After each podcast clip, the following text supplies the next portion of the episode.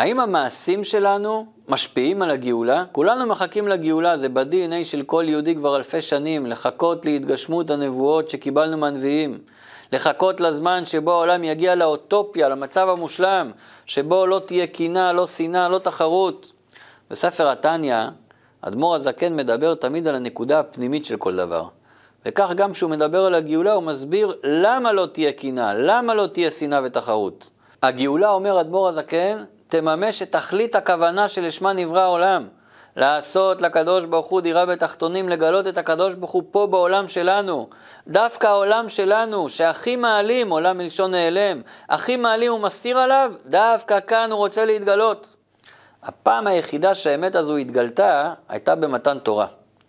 כדי להבין מה קרה אז, וגם כדי להתחיל להבין מה יקרה בגאולה, בואו נתבונן רגע במה שחז"ל מספרים לנו על מה שהיה במתן תורה. במתן תורה אומרים לנו חז"ל, בני ישראל ראו את הקולות ושמעו את המראות. מה הכוונה? איך אפשר לראות קולות ואיך אפשר לשמוע מראות? אז בואו ננסה להבין קצת יותר מה זה שמיעה ומה זה ראייה. כשאדם רואה משהו, הוא בטוח במאה אחוז שאותו דבר קיים. מכיוון שהוא ראה את זה, והראייה מאמתת לשכל את המציאות של אותו דבר.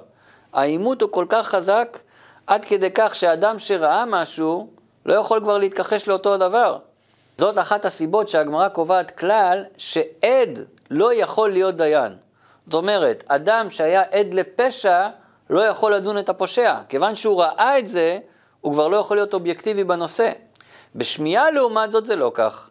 אדם ששמע על משהו, גם אם הוא שמע את זה מאדם גדול שהוא מעריך אותו, עדיין האמונה שלו בדבר היא לא מושלמת.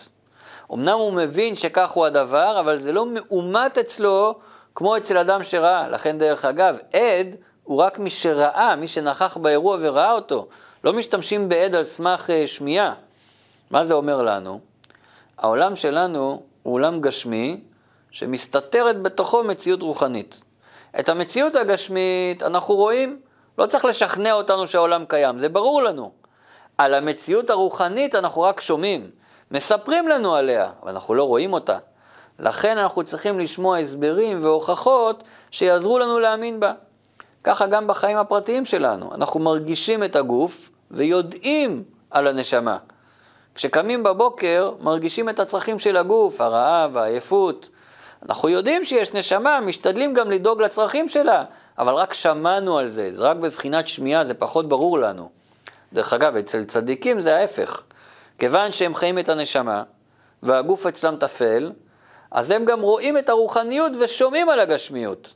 עד כדי כך שאמרו על אחד הצדיקים, שאם לא היה כתוב בתורה בראשית ברא אלוקים, הוא לא היה מאמין שיש עולם. הוא ראה רק את הרוחניות, רק פסוק מהתורה היה בשבילו הוכחה שהעולם באמת קיים. בואו נחזור למתן תורה. מה היה במתן תורה? מתן תורה פעל שינוי כל כך גדול בעולם, עד שבאותם רגעים בהם נאמרו עשרת הדיברות, כל העולם התעלה, ובעולם הגשמי התגלתה הרוחניות. במקום לראות את הגשמיות, כולם ראו את הרוחניות, ראו את הקולות. המצב התהפך, על הגשמיות שמעו ואת הרוחניות ראו. הכל התהפך, הרוחניות הייתה בגלוי והגשמיות בהיעלם. היה גילוי אלוקות בעולם, וזה מה שיקרה בגאולה. אלא מה ההבדל? שאז העולם עוד לא היה מוכן לגילוי הזה. ולכן בני ישראל לא עמדו בזה, הגילוי היה עוצמתי מדי. ועל זה אומרים חז"ל, שעל כל דיבר ודיבר, על כל אחת מהדיברות, פרחה נשמתן והקדוש ברוך הוא צריך להחזיר להם אותה, להחיות אותה מחדש. נגמר מתן תורה, נגמר הגילוי האלוקי, והעולם חזר למצב הרגיל שלו. ואז בני ישראל קיבלו בתורה רשימה של הוראות מה לעשות כדי להכין את העולם לגאולה. מה לעשות כדי להכין את העולם לגילוי אלוקות, שהעולם יוכל להכיל אותו. וזה כל המצוות, זה המעשים שלנו. עכשיו, ברגע שהגילוי הזה מגיע, בן אדם כבר לא ירגיש את המציאות שלו, לא מרגיש את האגו שלו, ולכן ממילא לא תהיה קינה ושנאה, לא יהיו מלחמות, כי כל הבעיות האלו מגיעות מהאגו, והאגו יתבטל בזמן הגאולה. החידוש, שבשונה ממתן תורה, שעכשיו, בזכות המצוות שקיימנו, המעשים שעשינו להכין את העולם לגאולה, בזכות זה הגילוי אלוקות יהיה באופן שהפעם לא תפרח הנשמה, אלא הפעם נוכל להכיל אותו.